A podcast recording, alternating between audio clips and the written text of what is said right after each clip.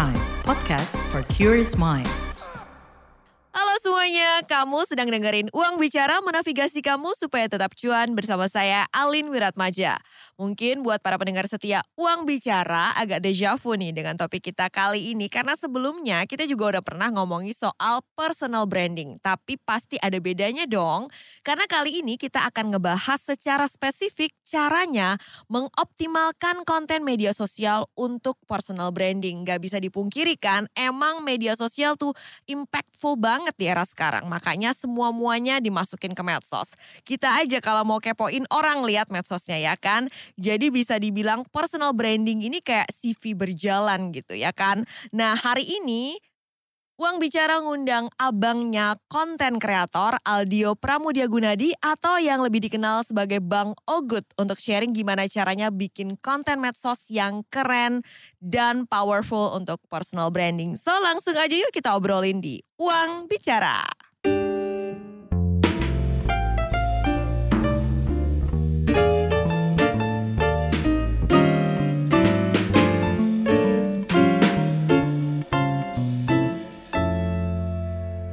Halo Bang Ogut, apa kabar ya?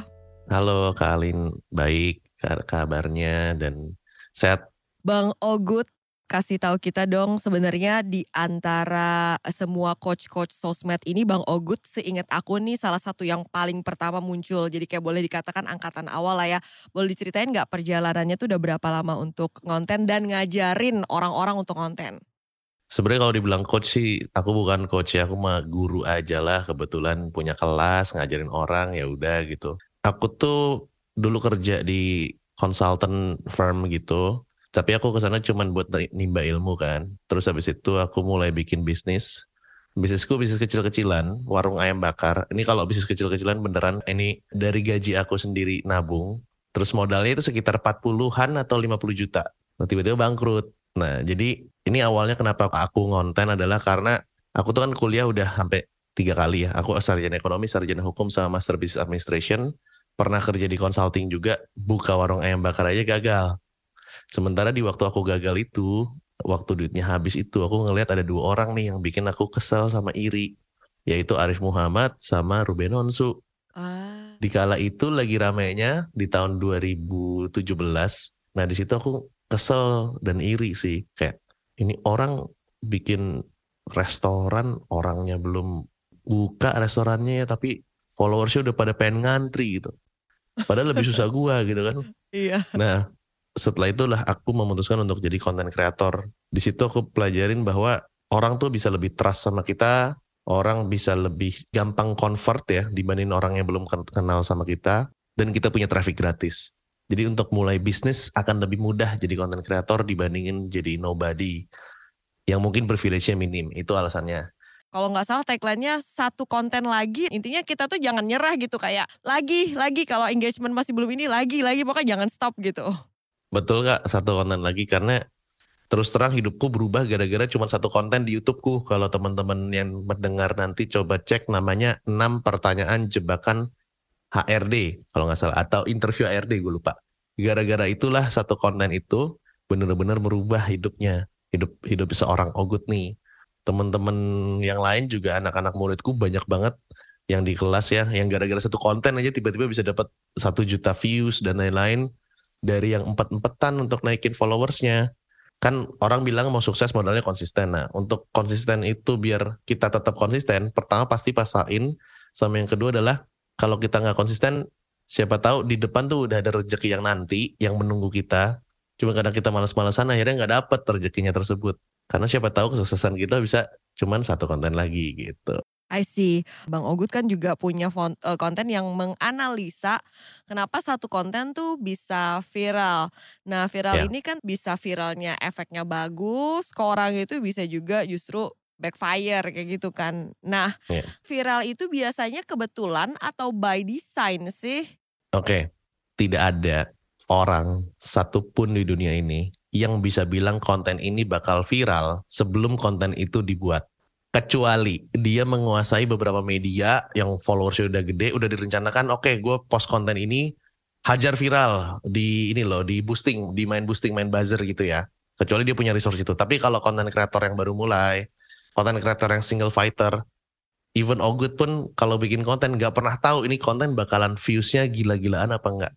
Kita hanya bisa meningkatkan probabilitas konten ini akan viral, kemungkinan besarnya ya. Tapi pastinya tuh nggak ada. Nah, pertanyaannya adalah viral itu direncanakan atau enggak? Jawabannya adalah viral itu biasanya luck. Biasanya luck. Cuman untuk memperbesar luck, kita harus membuat sebuah planning yang ada metodologinya. Maka dari itu kalau misalnya teman-teman mau viral, itu penting banget untuk ngerti yang pertama adalah psikologi dari audiensnya. Jadi nggak cuman sekarang lagi tren apa, lagi joget apa, lagunya apa, diikutin. Kedua yang paling penting juga setelah udah tahu nih audiensnya itu psikologinya kayak gimana, dia butuh konten seperti apa dan lain-lain, baru kita bikin kontennya itu harus ngerti dari mulai storytellingnya. Nah storytelling itu di dalamnya ada kayak macamnya hook, terus abis itu ada empati, abis itu ada core story-nya, baru ke call to action. Setelah itu, kita juga harus lihat dari konten-konten yang sudah kita buat, analitiknya seperti apa. Kita bisa lihat rasio-rasio yang bagus, yang udah bisa dilihat di platformnya, untuk ngambil keputusan next kontennya seperti apa. Itu sebenarnya cara garis besarnya viral ya. Nah, kenapa bisa viral? Karena itu sebenarnya strategi aku. Kenapa bisa viral? Contoh kayak, kenapa Kak Alin bisa viral? Kenapa uh, Raymond Chin bisa viral. Kenapa Odading Mang Oleh bisa viral? Karena sadar gak sih teman-teman kalau lagi ada isu yang baru, contohnya kayak sebelumnya tuh ada kayak isunya kita Safitri, misalnya kayak gitu di TikTok, semua iya. orang react. Child free semua orang gitu react. Kan. Ya kan child free dan lain-lain. Influencer-influencer nge-react. Kenapa? Karena mereka hijack the traffic. Itu. Nah, jadi di kelasku juga aku jelasin ya tentang ini. Ada namanya still the fame. Jadi still the fame itu adalah kalau misalnya ada orang yang lagi naik, kita bikin konten versinya kita selama berhubungan ya sama topik yang kita bahas ya. Dia ngebahas si orang tersebut. Kenapa? Karena kalau orang udah fame, namanya dia jadi keyword. Contoh kayak Deddy Corbuzier, namanya dia udah jadi keyword gitu. Dan terbukti ternyata waktu lagi rame Gita Safiti tersebut, aku bikin konten tentang Gita Saf. Ya kan? uh, bukan kenapa Gita Saf viral ya, tapi lebih ke uh, ngasih reaction atau ngasih pendapat tentang child free dan lain-lain. Dan sebelum-sebelumnya juga aku ngebahas tentang kenapa bisa viral dari Odading dan lain-lain. Ramai juga. Kenapa? Karena basicnya aku minjem ketenarannya di orang untuk dapetin traffic. Itu salah satu strategi juga kalau di aku namanya still the fame. Kalau misalnya nih kita pengen dapat traffic atau engagement yang tinggi tapi misalnya bikin konten yang kontroversial itu gimana nih menurut uh, Bang Ogut? Jadi misalnya yeah. teman-teman uh, edukator finansial kayak misalnya mereka tuh bilang kayak gini, kalau ada konten yang gue bikin baik-baik based on research segala macam tuh view-nya sedikit Bang Ogut. Iya, yeah, wajar. Nah, begitu ada konten yang kayak misalnya reaction yang dalam bentuk komedi-komedian soal konten kopi 80 ribu itu viewnya hitsnya tinggi banget kayak gitu kayak kita yang misalnya konten kreator yang tadinya baik-baik aja dalam tanda petik yang kayak on the track, edukatif segala macam, should we change our direction to get attention atau gimana gitu? To what level we can justify okay. ini kayak gitu? Harus sadar sama yang namanya curse of knowledge. Seringkali terutama orang-orang financial bikin konten yang bagus banget. Ibarat kata kayak mau bikin paper. Kok sepi? Harus paham satu, nature-nya orang ke sosial media tidak untuk belajar. Nah, tugasnya buat para teman-teman yang ngebahas hal-hal yang berat, gimana caranya kita bisa menurunkan layer of language. Kenapa? Karena kalau misalnya terutama yang orang-orang finance, kita kan biasa yang ngomong, eh FOMC kemarin tuh interest rate naik ke 5% ya kan, naik 25 basis point. Kalau misalnya aku sama Kak Alin ngomong misalnya ngerti gitu ya, finance itu hal biasa. Mm-mm. Coba bayangin orang yang kagak ngerti finance ngomongin apaan itu basis point. Apaan 25 FOMC? basis point itu apa? Powell siapa? Gue taunya Jerome Powell siapa? Gue taunya Jerome Pauline. Bukan Jerome Powell gitu. Itu yeah, yang yeah. pertama harus pahamin tentang kenapa kok kontennya tuh nggak rame. Karena pada dasarnya konten yang terlalu berat di sosial media orang capek nontonnya. Orang tuh pada dasarnya nggak suka mau nggak suka belajar di sosmed.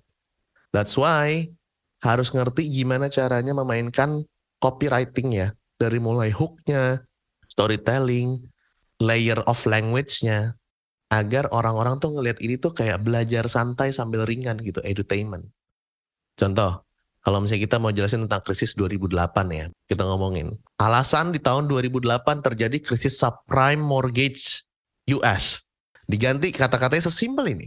Alasan pembayaran KPR mandek di tahun 2008 sehingga menyebabkan krisis yang gila. Dari subprime mortgage diganti ke KPR yang mandek. Iya. Orang mungkin bisa lebih paham. Itu yang pertama tentang kenapa pembahasan yang udah riset dalam-dalam dan lain-lainnya pas diposting ke kurang rame. Karena pada dasarnya satu, kemungkinan besar orang nggak ngerti secara simpel ini tuh mau ngomongin tentang apa karena terlalu ribet.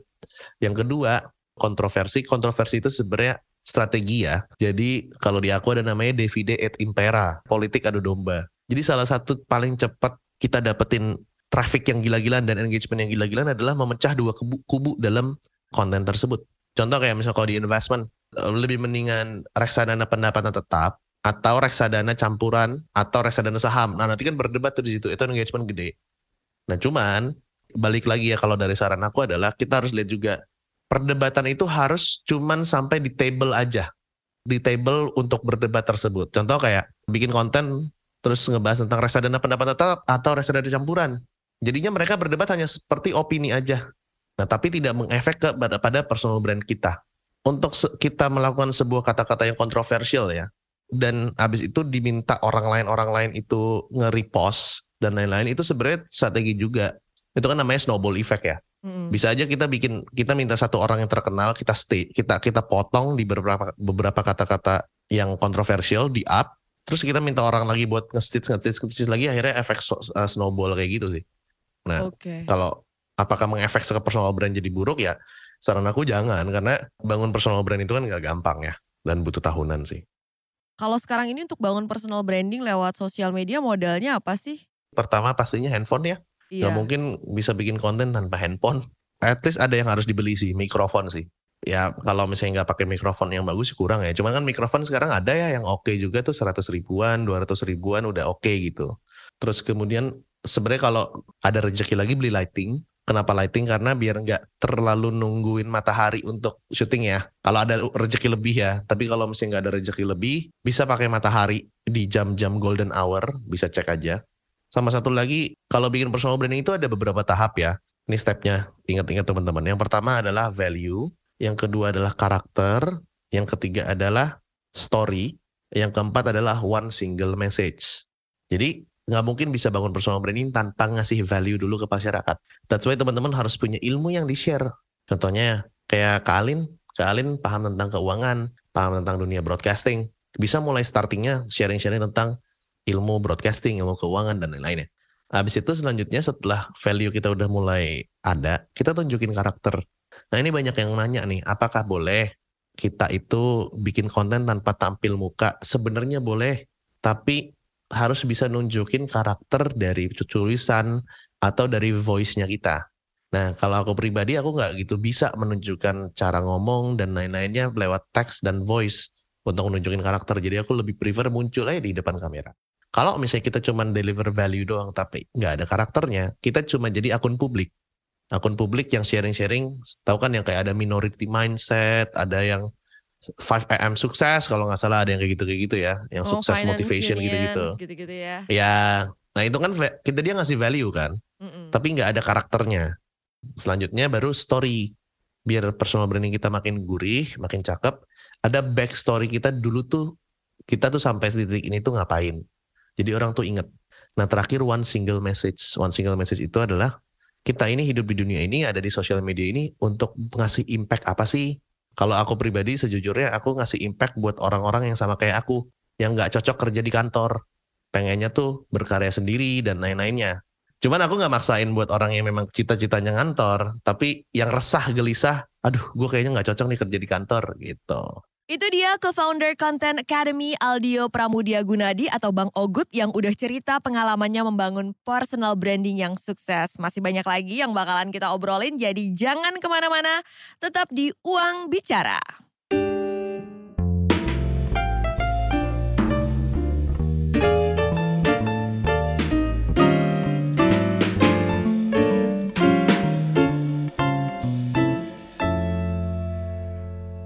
Masih mendengarkan Uang Bicara, menavigasi kamu supaya tetap cuan bersama saya Alin Wiratmaja. Di episode kali ini kita ngobrolin pentingnya social media untuk personal branding bersama co-founder Content Academy, Aldio Pramudia Gunadi atau yang akrab disapa Bang Ogut. Kita lanjut lagi yuk.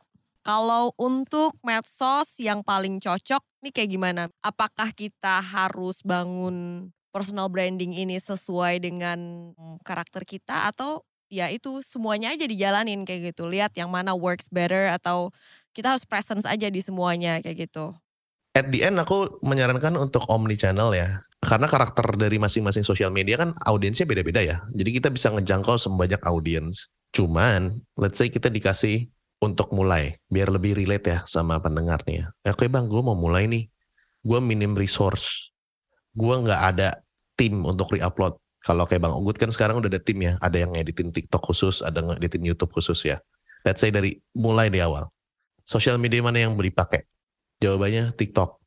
TikTok dulu. Kenapa? Ini alasannya. Pada dasarnya TikTok itu bukan sosial media. Tapi TikTok adalah content sharing platform.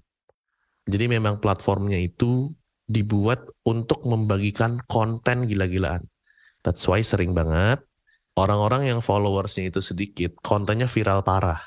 Karena memang secara algoritmanya dan secara platformnya sendiri karakternya itu memang ditujukan untuk membagikan konten-konten. That's why di situ bakalan dapetin traffic lebih banyak dan lebih cepat selama bikin kontennya te tepat ya. Nah, sambil bikin konten di TikTok nih, yang udah mulai nemu yang titik bagusnya viralnya di mana, mulai bangun Instagramnya. Instagramnya lebih kepada portofolio ya. Ini terserah bisa bikin konten lagi di Instagram kayak aku ngasih edukasi atau just nunjukin keseharian kita yang memang relate ya. Contoh kayak kalian kan ngebahas tentang financial, misalnya ketemu sama ketemu sama Ibu Sri Mulyani, ya foto-foto Ibu Sri Mulyani lagi meeting sama siapa, lagi meeting sama siapa. Jadi kayak behind the scene-nya orang yang mengedukasi ini. Nah di story aktif, sering aktif bahas-bahas hal-hal yang menarik. Tujuannya apa? Biar orang dari TikTok itu mampir ke sosial media. Karena aku masih percaya di 2023 ini, sosial media paling enak untuk kita monetize audience itu, kalau monetize-nya sendiri ya, nggak tergantung sama platform, itu di Instagram. Karena lihat interaksi antara followers dan influencers itu gedenya tuh di Instagram. DM-DM-an dan lainnya, itu Instagram memang tepatnya situ. Simpulannya, mulai di TikTok, Habis itu arahin si trafficnya ke Instagram. Habis itu mulai buka YouTube lagi. Kenapa? Karena YouTube juga buat sumber traffic. Karena YouTube algoritmanya dia adalah search engine dan kalau kita upload konten kita eternal. Sampai kapan pun selama orang masih cari keywordnya bakalan nonton. Jadi itu direct traffic lagi. Aku tetap ngepullnya semua trafficnya di Instagram. Wah keren di spill strateginya Bang Ogut di sini. Thank you Bang Ogut. Nah, kemudian mau minta pendapat kamu sih, menurut kamu konten-konten apa nih yang kuat untuk personal branding? Kalau konten yang bisa meningkatkan personal branding kita, pertamanya tetap yang tadi aku bilang ya, value mm. dulu. Konten tentang edukasi dulu. Mm Kebanyakan orang salah nih, orang-orang yang misalnya kayak pengusaha udah mau bikin konten dan lain-lain. Mereka di awal itu ngomongin tentang dirinya dulu. Contoh kayak flexing-flexing dulu gitu. Ya emang it's good it's good rame zaman flexing dulu kan rame banget tuh. Cuman ya mereka cuman tahu ya lu kaya aja. Tapi lu nggak tahu manfaat lu buat gua apa gitu. Jadi tetap pertama adalah value dulu. Nah value-nya itu bukan ngomongin tentang saya dulu gini, saya dulu gitu, enggak. Tapi lebih ngomongin kayak, lu lagi bingung ngurusin bisnis, karyawannya keluar masuk dulu. Masuk keluar masuk terus. Udah naikin gaji tapi mereka tetap gak loyal sama lu. Harus gimana sih? Nah baru tuh jadi tentang mereka dulu ngasih value-nya. Ya, baru lu kenalin. Waktu zaman gue dulu bikin usaha, buat yang belum kenal, gue punya usaha jualan hamster misalnya kayak gitu ya. Karyawan gue juga keluar masuk. Nah waktu itu tuh gue langsung lakukan ini. Gue ngajak ngobrol dulu karyawan gue. Gini gitu, gini gitu, gini gitu. Jadi lu ngomongin kesusahannya mereka dulu, target audiensnya dulu. Dan lu hadir sebagai kayak kayak orang yang datang ke mereka untuk memberikan solusi berupa informasi sehingga mereka percaya sama lu di bidang tersebut sampai baru dia kepo sama lu. Ini siapa sih si Ogut ini? Dulu bisnisnya apa sih? Habis itu lu ceritain story lu, karakter lu dan lain-lainnya. Baru kebangun tuh personal branding. Jadi mulai dengan kita bantuin orang dulu lah ya kayak gitu jadi punya alternatif solusi untuk persoalan yang dihadapi orang pada umumnya. Uh, kemudian kalau kita bahas soal fitur-fitur spesifik dari sosmed itu yang menurut kamu paling powerful untuk bantu personal branding kayak gimana? Apakah orang-orang tuh udah pada paham sebenarnya untuk mengoptimalisasikan fitur-fitur di sosmed itu? Oke, kalau buat aku ya, aku masih paling orang sekarang bilang konten live streaming, live streaming iya itu powerful banget buat dapetin uang ya. Tapi kalau untuk bangun personal branding nggak cukup cuma itu sih. Oke. Kalau buat aku yang paling powerful adalah live sama story di Instagram. Oke. Mungkin live sekarang ke TikTok udah oke lah.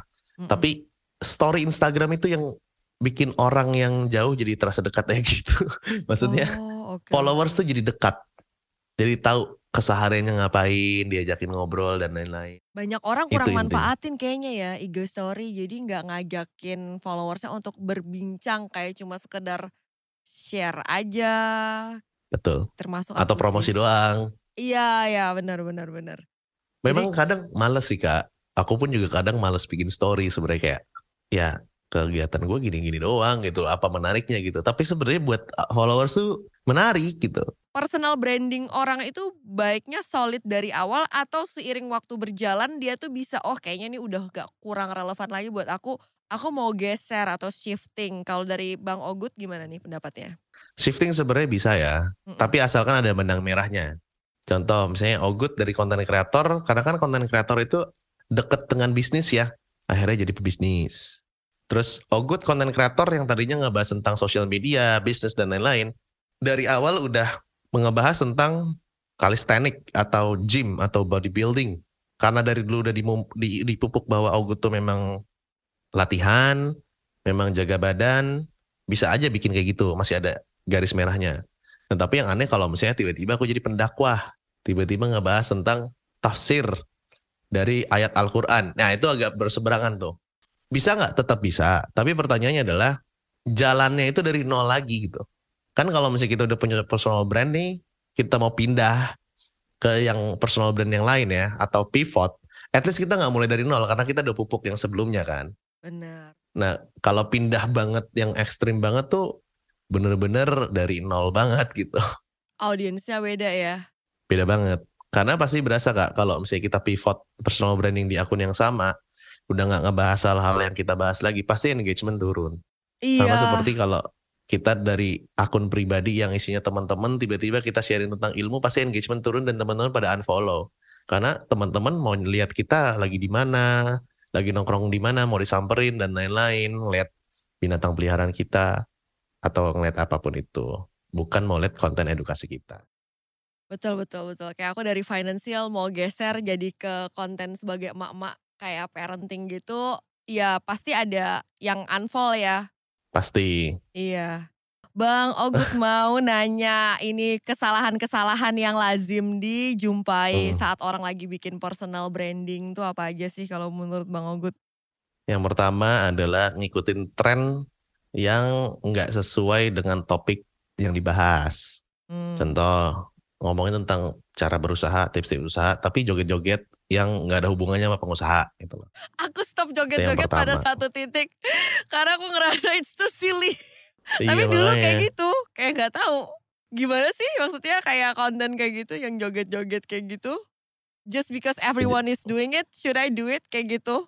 Enggak juga sih. Ya bayangin aja kalau kita wanita berhijab, bercadar, lagi rame joget-joget, kan nggak nggak mungkin kita ikutin joget-joget juga kan, walaupun itu lagi tren kan. Iya. Jadi basically tren itu tuh sebenarnya di sosmed ada dua, topik atau type atau inilah kita bisa bilangnya content type. Jadi bentuk kontennya atau topik kontennya. Contoh kalau misalnya yang kemarin lagi ramai tentang child free si Gita Savitri, itu namanya topik konten trend. Nah kalau style trendnya, itu contohnya kayak yang dulu ada joget-joget yang, yang oh yang sekarang yang na na na na na na na na na yang Bang Mulyadi itu. Iya Bang Mulyadi. Sora sora sora Yang pakai singletan gitu kan joget-joget. Nah itu berarti tipe kontennya yang lagi trending. Nah kalau tipe konten itu sesuaiin aja sama karakter kita. Kalau misalnya ustadz, jadi jangan joget-joget. Pebisnis yang elegan, kayak Bong Chandra, bayangin Bong Chandra, kalem, dan lain-lain tiba-tiba joget. Bang Mulyadi Joget gitu. Mipan, Mipan Zuzuzu gitu. Aneh kan? Iya, iya, iya. joget Bang Mulyadi nggak mungkin. Jadi sesuai nama karakter. Nah kalau topik, topik tren itu juga jangan main asal ambil aja, sesuaiin sama value atau konten yang kita bahasnya. Ya kan? Contoh kayak Kak Alina, walaupun ngebahasnya tentang financial, misalnya kayak lagi trennya si Gita Savitri Child Free, Kak Alina bisa ambil kesempatan untuk nge-stitch konten tersebut. Bisa bahas dari dua angle. Sebagai seorang ibu, karena Kak Alina udah punya anak, aku udah punya anak, kita tahu banget uang nggak bisa ngalahin kebahagiaan saat anak kita lahir, sehat, lengkap, walafiat. Itu bisa diambil satu. Sama yang kedua, bahas tentang edukasinya. Karena ada yang botox dan lain-lain ya. Sekarang kita bandingin yuk biaya botox sama biaya anak. Per bulan berapa sih? Ah, Bikin lebih mahal tuh. biaya botox lah. Iya makanya. Nah, Gitu. kan itu bisa jadi konten. Iya, iya benar-benar. Gitu kak. Itu yang paling sering aku lihat orang salah langkah. Soal personal branding, gimana caranya? Apakah kita perlu perlu fake it till you make it atau just being real? Tapi misalnya kalau being real kayaknya nggak pantas-pantas banget nih nongol di sosmed nih kayak kondisi kita atau rumah kita atau kayak gimana kayak gitu. Gimana nih? Apa yang kita tampilkan di sosmed? Oke, kalau fake ya jangan ya, namanya bohong ya dosa ya. Aku aja, aku pernah bikin konten Alphard gitu kan. Heeh. Kalau orang yang kaya beneran mah nggak norak, punya Alphard nggak dipamer-pamerin. Lah, lu sendiri pamer-pamerin bang. Kalau gue mah bebas. Soalnya ini bukan Alphard gua. Jadi Al- Alphard orang lain, aku videoin gitu kan. Aku minta tolong, eh gue mau bikin konten lucu-lucuan ya. Jadi jangan jangan berbohong, terutama masalah harta ya. Kalau bukan punyanya kita ya jangan bilang punya kita dan lain-lain ya. Nah, jadi kalau di sosmed itu jangan fake. Yang harus kita lakukan adalah jangan tongolin semua. Beda loh. Fake sama hold sebagian. Wih, keren nih. Kalau fake itu benar-benar bukan kita. Contoh, kayak sekarang lagi interview di konten. Ogut ini aslinya ngomong lebih kasar daripada yang di sosial media. Kasar banget. Kasar ah, ya anak-anak. Anak anak-anak. Jakarta gimana sih gitu. Anak tongkrongan gimana sih? Kata-katanya kasar. Cuma kan di sosmed nggak kasih unjuk gitu loh. Paling kasarnya yang standar ya kayak kayak guguk ya kan? Kayak kayak oon ego gitu-gitu. Paling gitu kan standar kan. Nggak semuanya aku kasih ke sosial media. Oke jadi ditahan. Terus kalau misalnya ngerasa tadi ada pertanyaan kan eh, rumah kita masih belum bagus dan lain-lain ya tinggal cari kafe aja atau cari ruangan itu nggak ada masalah nggak harus beli rumah baru kok untuk konten ya pas konten aja ke sana gitu Waktu dulu Iya. aku pernah bikin iklan buat kelas juga. Aku lagi di villa di Bali bagus. Aku aku bilang kok, lu pengen nggak jalan-jalan ke Bali nih kayak gini? Cuman nggak usah lu kerja dari kantor misalnya kayak gitu. Ini gue lagi di villa ini tapi ini nyewa ya. Aku, aku bilang gitu kak di iklan aku. Komennya malah bagus. Mereka pada bilang dengan lu bilang ini nyewa, lu tuh real banget katanya kayak gitu. Dan ingat bikin konten sekarang yang amatir, yang nggak terlalu bagus sudah sangat ditoleransi sama netizen dibandingin zaman dulu waktu gua pertama kali 2018 bikin konten. Sekarang udah enak banget zamannya. Mau kresek-kresek selama bagus, lucu, nyambung, viral-viral aja gitu. Oke, nice to hear ya bahwa sekarang eh, netizen kita lebih toleran gitu. Bang. Ogut, sebelum menutup jumpa kita mau dong dikasih closing statement buat uang bicara. Oke, kalau closing statement sih untuk bangun personal branding, ini hal yang worth it untuk dicoba ya. Apakah pasti berhasil atau enggak sih? Belum tentu berhasil atau enggak. Bangun personal branding di sosmed ya. Kalau personal branding pada dasarnya semua orang punya personal branding gitu. Kayak Kalin pasti punya personal branding di lingkungan kerja. Aku punya personal branding di komplek aku misalnya. Tapi bangun personal branding di sosmed itu layak dicoba karena basicnya modalnya minim banget. Tadi handphone, mikrofon beli yang 100 ribu, 200 ribu, cahaya matahari ya bisa pakai cahaya ilahi gitu kan. Sama sharing ilmu aja, itu murah banget. Murah banget dibandingin kita kalau invest saham ya. Invest saham ya 5 juta bisa, cuman kalau cuan, cuan 20% 5 juta kagak berasa gitu. Cuman buat beli sekoteng gitu. Buat ilmunya dapat gitu. Iya. Tapi untuk kita benar-benar bisa hidup dari trading kan ada level of capital yang harus kita penuhin dulu biar benar-benar berasa gitu ya. Betul. Ya kan? Nah, content creator, terus personal branding, modal itu doang. Layak banget dicoba. Dan kalau misalnya berhasil, guys, ini benar-benar bisa jadi stepping stone-nya lo yang denger nih untuk ke next chapter dari diri lo sih. Buka bisnis jadi lebih mudah, networking sama orang-orang hebat jadi lebih mudah. Mau investasi, kita bisa nanya sama beberapa teman-teman lain saran-sarannya. Kayak aku nih misalnya, aku punya teman beberapa yang ngerti invest, ya kan? Misalnya aku mau masuk nih, eh gue mau masuk Bitcoin nih, lagi FOMO gue nih. Ya kan, gimana? Dinasehatin jangan dulu, tahan dulu soalnya gini gini gini nih. Kalau misalnya kita nggak punya personal branding, gimana cara kita reach out sama orang-orang seperti itu? Nah jadi kalau mau bangun personal branding, mulai bikin konten dari sekarang, tetap semangat, tetap berjuang, tetap bikin konten. Karena siapa tahu kesuksesan lo tinggal satu konten lagi. Itu tadi co-founder Content Academy dan pemilik akun Muda Cuma Sekali Aldio Pramudia Gunadi atau Bang Ogut. Di episode ini kita udah ngobrolin cara mengoptimalkan social media untuk personal branding. Semoga insight-insight baru yang didapat tadi bisa langsung kamu terapin biar punya personal branding yang kece. Nah kalau kamu punya saran, kritik atau juga ide yang keren untuk kita bahas semua nih di Uang Bicara seputar keuangan maupun ekonomi, langsung aja email ke podcast at kbrprime.id dengan subjeknya Uang Bicara.